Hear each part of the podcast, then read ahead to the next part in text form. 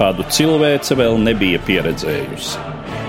Vadoņu avantūrisms un ambīcijas, valsts vīru neizlēmība un ilūzijas, And here is the paper which bears his name upon it. arvien jaunas valstis ievilktas kara virpulī. United States of America was suddenly and deliberately attacked. Nežēlīgi malti cilvēku un tautu likteņi. Lai dzīvo darba tautas draugs un ģeniālais vadonis biedrs Stalins! Otrais pasaules karš sarunās ar Eduardu Liniņu raidījumu ciklā Satumsums. Labdien, cienījamie klausītāji! Otrā pasaules kara cīņas aptvēra visu zemeslodi. Šodien paraudzīsimies uz to, kas 1940. un 1941. gadā notika Āfrikas kontinenta ziemeļos. Mans sarunbiedrs studijā Latvijas kara muzeja pētnieks Valdis Kusmins. Labdien! Labdien! Kara darbība Āfrikā. Šiem notikumiem ir visai būtiska nozīme visa pārējā otrā pasaules kara kontekstā. Nu, pirmām kārtām jau tāpēc, ka cauri vidusjūrai, cauri Suecas kanālam un Gibraltāram iet galvenais jūras ceļš, un tāpat kā mūsdienās pa šo jūras ceļu rietuma Eiropa un konkrēti Lielbritānija saņem taiskaitā degvielu. Naftu, kas toreiz tiek iegūta tāpat kā šodien, arī jau Persijas līča reģionā, un jau Otrajā pasaules karā, jāsaka, degviela ir kara dieva asinis. Jā, šo reģionu diezgan zīmīgi raksturoja tā laika Litānijas ārlietu ministrs Īdens 1929. gadā, kad viņš paziņoja, ka Suecas kanāls ir Britu impērijas rotējošās durvis, kuras ir jāsaglabā, lai tās kustētos visu laiku, pretējā gadījumā šī impērija sabruks. Varbūt šeit netik daudz bija degvielas jautājums pašā otrā pasaules kara sākumā, tur varēja būt varianti, bet Suecas kanāls kā īsākais ceļš starp Lielbritāniju, tās impērijas rietumu daļu un tās pārvaldījumiem austrumos, Indiju un citām vietām bija fundamentāli svarīgs, un tieši Suecas kanāla jautājums izšķīra šī reģiona nozīmīgumu un jau tam sekojošās kaujas par Suecas kanālu. Pirmais no asas valstu spēkiem, kas iesaistās šai kardarbībā, tā ir Itālija. Musolīni jau labu laiku ir deklarējis, ka vidusjūrai ir jākļūst par Māre Nostrum, par mūsu jūru, tātad Itāļu jūru, un sevišķi, ja runa par vidusjūras austrumu daļu, tad uh, Itālijai tur ir plāni un intereses jau kopš Pirmā pasaules kara laikiem, un tagad uh, Itālija pretendē izspiest uh, Lielbritāniju no šīs teritorijas, kur Lielbritānija līdz šim ir dominējošais spēks ar saviem atbalsta punktiem Kiprā, Maltā, mandāta teritoriju tojos austrumos, Palestīnā.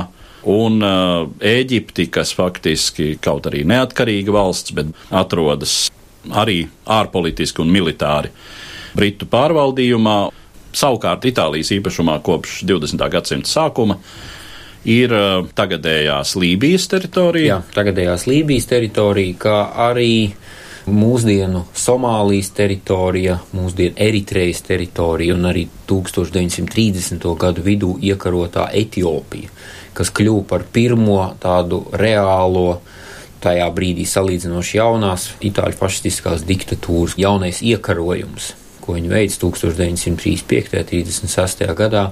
Tas bija pirmais tāds signāls, ko Lielbritānija uztvēra, ka Itālija patiešām ne tikai iesaistās retoriskās diskusijās par šo te Mare Nostrum, bet ir gatava arī kaut ko praktiski darīt savas ietekmes palielināšanas lietā.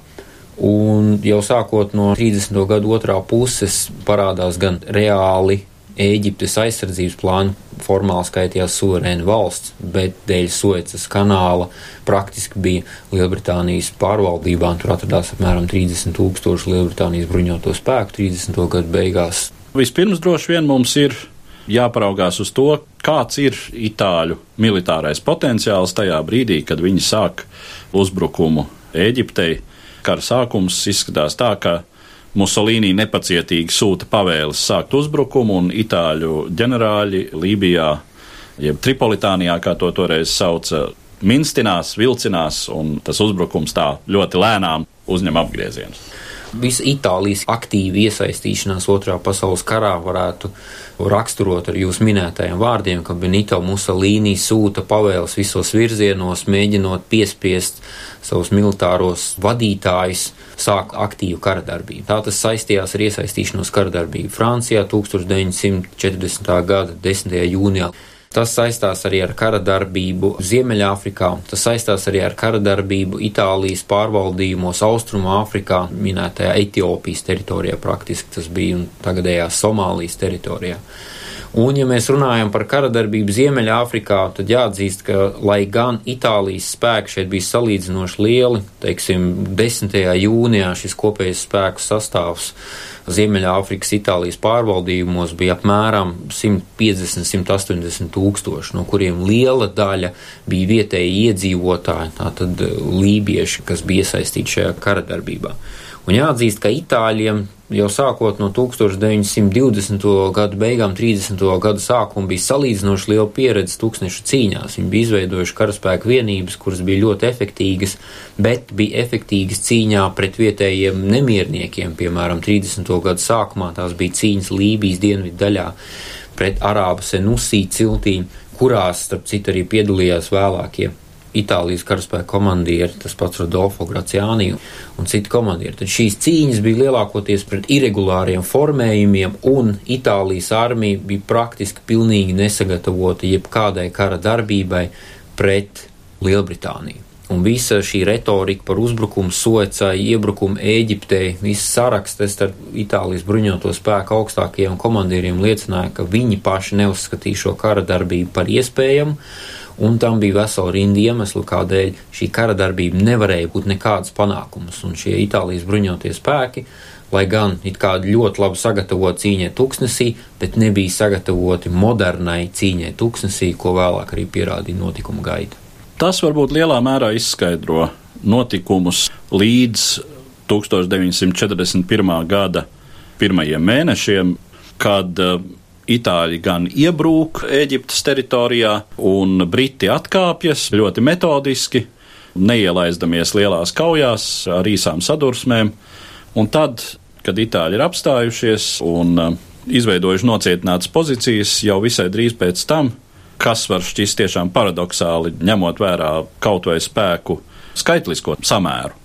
Proti, Itāļiem 170, 180 tūkstoši, Britiem tobrīd 36 tūkstoši karavīru. Neskatoties uz to, operācija Kompas beidzas Itāļiem ar katastrofālu sagrāvi. Nu, šī operācija Kompas savā ziņā ir tāds unikāls notikums ar to, ka pirmām kārtām par to ir ļoti maz tādas ticamas, atbilstošas informācijas. Galvenokārt tādēļ, ka lielākā daļa pētnieku šeit pievērsās neprot itāļu valodu un praktiski nemaz neizmanto itāļu avotus.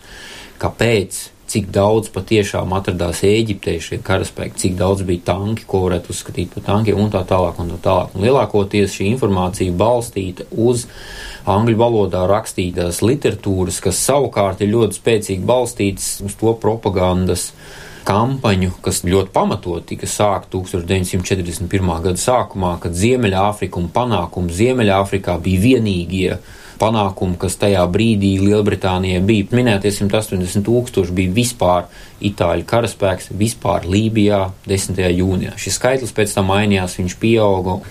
Kas ir svarīgi, ja mēs runājam par kara darbību Ziemeļāfrikā, tad šeit pilnīgi nedara tie priekšstati par skaitlisko sastāvu, skaitlisko pārsvaru, ātrumu, kurus mēs izmantojam kaut vai otrā pasaules kara kontekstā, runājot piemēram par kara darbību Francijā, jeb kara darbību Austrum Eiropā. Tie bija pavisam citi apstākļi, Un pēc dažādiem datiem Eģiptē esošie nepilni 80 tūkstoši itāļi. Bija daudz svarīgāk nevis šie 80 tūkstoši cilvēku, no kuriem liela daļa bija vietējie etniskie lībieši, kur noturība kaujas laukā varbūt nebija tik liela, it sevišķi pret tankiem.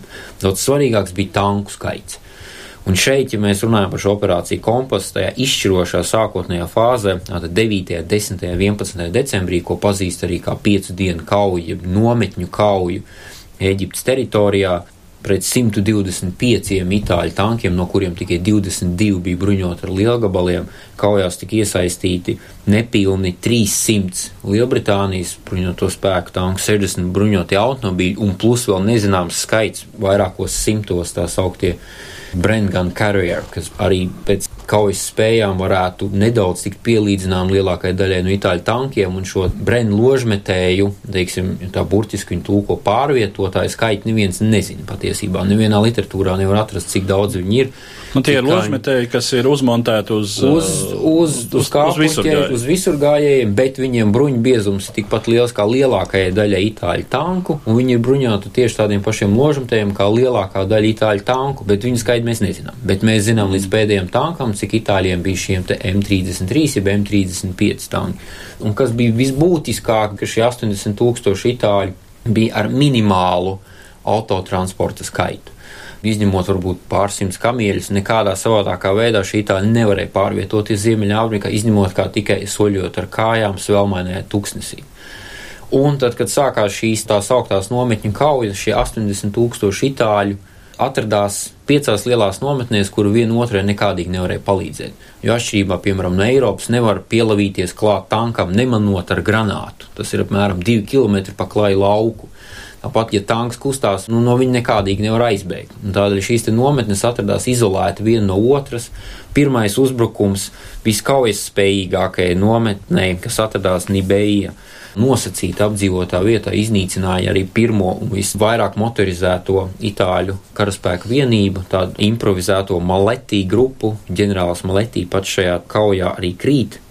Un līdz ar to praktiski šīs nometnes tiek iznīcinātas pa vienai. Tas, ka viņi bija 80 tūkstoši, tam nebija nekāds nozīmes. Viņi varēja būt kaut vai miljons, bet viens otram viņi nepalīdzēja. Savukārt šie 30 tūkstoši Lielbritānijas, jo sevišķi, ja mēs šeit runājam par 7. tanku divīziju un 4. indiešu divīziju, kas šajās kaujās piedalījās, viņi varēja piebraukt ar automašīnu, ar motorizētu artilēriju, ar šiem tankiem, piebraukt, iznīcināt vienu nometni un doties pie nākamās. Vēl kas būtiski bija, protams, ir tie leģendārās Matildas tanki, Lielbritānijas pirmā modeļa kājnieka tanks, kura priekšējā broņa bija 78 mm un kuru nevarēja iznīcināt pilnīgi nekādi Itālijas bruņoto spēku rīcībā esošie ne 47 mm pretanku lielgabalu, nedz arī 75 mm artilērijas vienības, kas bija viņu bruņojumā. Vienkārši neko nevar izdarīt. Šie Matildas tanki bija galvenais iemesls, kas šajās pirmajās kaujās arī nodrošināja šo operācijas kompasas panākumu. Un līdz kā tika iznīcināta pirmā nometne, tāpat arī iznīcināja pārējās.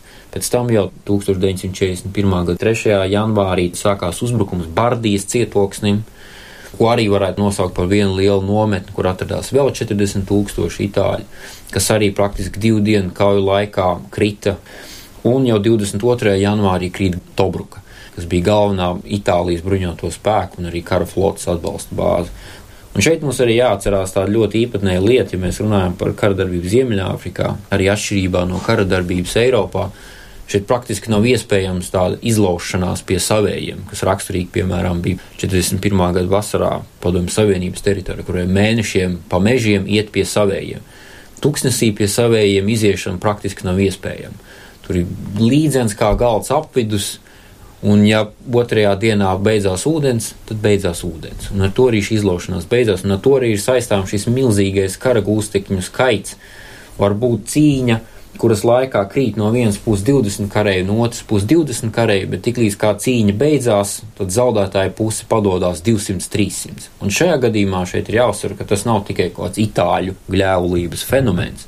Līdzīgas kaujas notika visu kara darbības laiku līdz 42. gada novembrim. To pašu darīja arī Briti, to pašu darīja Austrālieši, to pašu darīja Jaunzēlandes karavīri, to pašu darīja Indieši un Vācieši.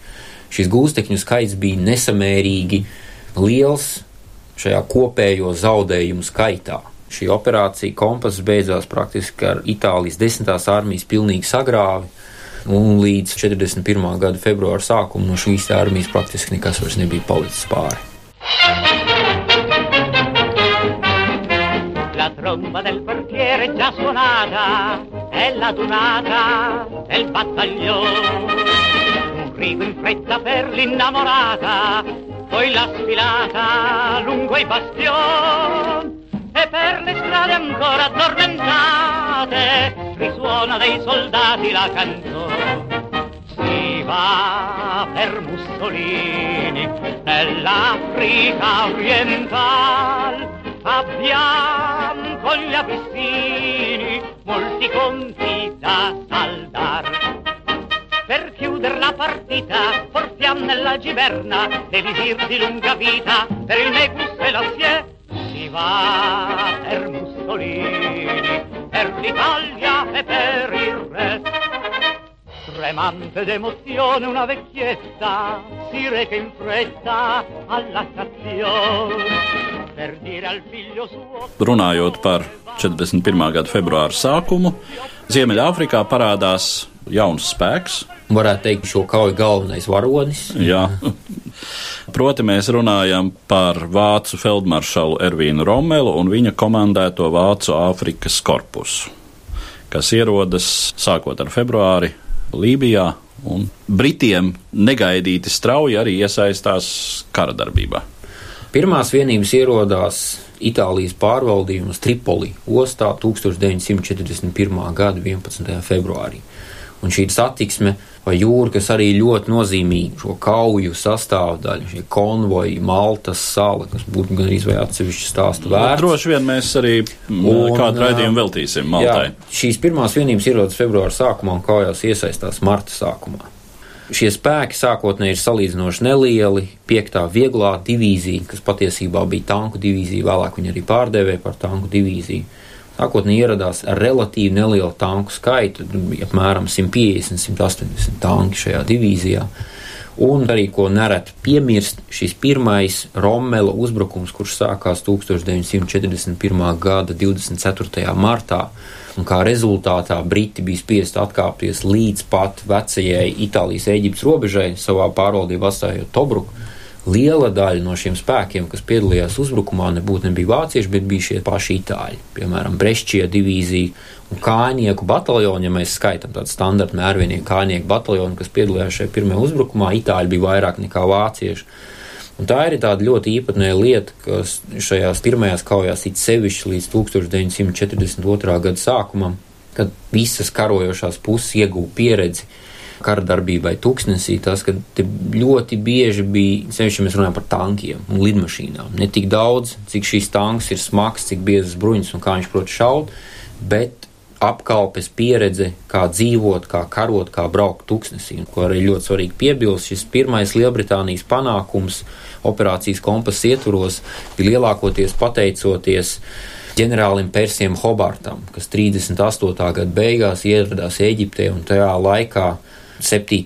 tanku divīzija vēl saucās mobilā divīzija, kur viņš sāka intensīvu apmācību tieši tūkstneša apstākļos. Un šajā brīdī šī 7. tanku divīzija 1940. gada vasarā bija pasaulē vislabāk apmācītā tanku vienībai karadarbībai tūkstnesī.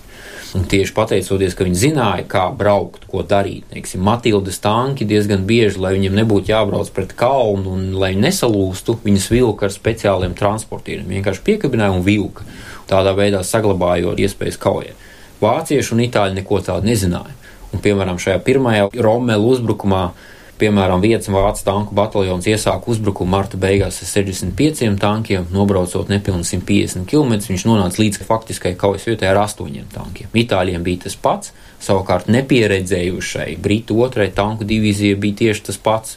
Visa Kirenaikas pusēla bija piemētāta ar nebraucošiem tankiem, un svarīgais jautājums bija tas, kurš uzbrūk, kurš atkāpjas. Tā bija tāda mazu karaspēku vienību kaujas, un arī tieši šajās kaujās pirmo reizi parādījās tajā laikā vēl ģenerāļa Ervīna Romela karavadoņa talants, ka viņš spēja burtiski just, kurā brīdī jāspiež šis bataljons ar astoņiem tankiem, kas būtu uzskatāms par pilnīgi kaujas nespējīgi.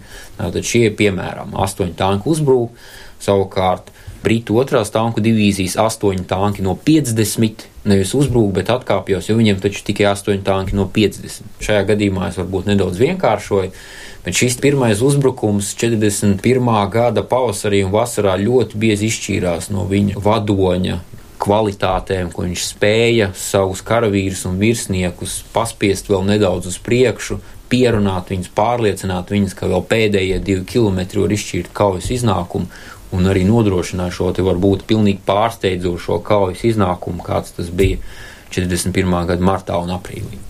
Vēl tomēr jāpiemina arī tas, ka Britu spēki šajā brīdī Ziemeļāfrikā ir salīdzinoši novājināti. Un tur ir atkal cits iemesls, proti, šajā laikā notiek kara darbība Balkānos.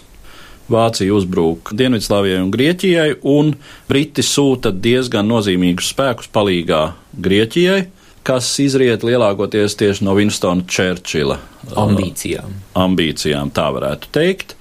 Lai gan ir zināmi politiski iemesli, kāpēc Čērčils sūta Britu spēkus uz Grieķiju, tā ir Britu premjera vēlme apliecināt Lielbritānijas cīņas gribu, kas pirmām kārtām ir domāts, lai radītu iespaidu Savienoto valstu prezidentam Rooseveltam un vispār Savienotajām valstīm, uz kurām Briti ļoti cer kā uz savu nākamo sabiedroto, attiecīgi tiek novājināti Britu spēki Eģiptē. Šajā gadījumā pat nenovājināti, bet pilnībā varētu gandrīz teikt, ka likvidēti. Un šī sestā Austrālijas divīzija, kas izcēlās Bardijas un Tobrukas ieņemšanā un praktiski nosoļoja pāri visam tuksnesim, dzenot itāļu sev pa priekšu. Tad šī arī tā divīzija, kas tiek aizsūtīta projām uz Grieķiju.